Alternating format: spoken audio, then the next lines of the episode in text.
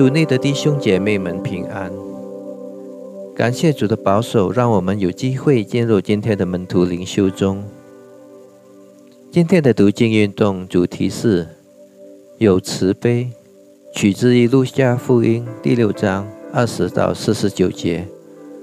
我们先一起祷告：慈爱的天父，感谢你赐给我们的恩典，感谢你赐给我们新的一天。来聆听你的话语，求主让我们来专心的思考你的话语。我们这样的祷告是奉靠主耶稣基督的圣名所求，阿门。当主耶稣吩咐我们不要论断人时，第六章三十七节，他的用意是什么？这命令是否意味着我们完全不可评定错误，不可审判，却不可惩罚一项错误？当然不是。圣经清楚的记载，主耶稣不宽容为善、撒谎以及以断。主耶稣指责假冒为善的法利赛人与律法师。使徒保罗严厉的责备与犯罪妥协的信徒。信徒都对罪的事实不可视而不见。然而，当我们面对他人的罪与软弱时，有几点必须注意。第一，在论断别人之前，我们必须领悟到，我们也会有相同的过犯，甚至更严重的过犯。我们也会面对他人的论断，我们的罪与软弱。第六章三十七节。第二，如果我们必须评断他人时，我们必须以爱心为动机，有慈悲的心。我们已经领受上帝的慈悲，因此我们对犯罪软弱的人必须要有慈悲的心。有关给予别人的原则，我们如果注意旧约里给予别人的原则，就会更容易明白。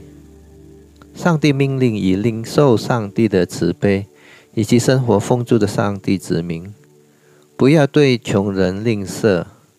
或斤斤计较的态度。当收割麦子，或收成葡萄，或其他田地里的出产时，以色列人不可收割尽尽，而是必须留下一部分，无论是掉在地上或落下的，给穷人。给人必须用十足的伸头。多量给人倒到求怜悯的穷人怀里。第六章三十八节。评断人也是如此。评断人必须以慈悲的心，例如给予第二个机会，不含有毁掉别人或夸耀自己的动机。主耶稣在十字架上向父上帝祷告，求父上帝赦免将他钉十字架的人时，路加福音第二十三。章三十四节，给我们美好的榜样。你是否以效法主耶稣的慈悲呢？我们一起祷告：慈爱的天父，感谢你赦免我们的罪。求主今天赐给我们爱别人的心。当别人犯错的时候，求主给我们慈悲的心。来论断别人，谢谢你，感谢主耶稣为我们舍命，救赎了我们。我们这样的祷告是奉靠主耶稣基督的圣名所求，阿门。弟兄姐妹们，祝大家有一个平安的一天，上帝祝福大家，再见。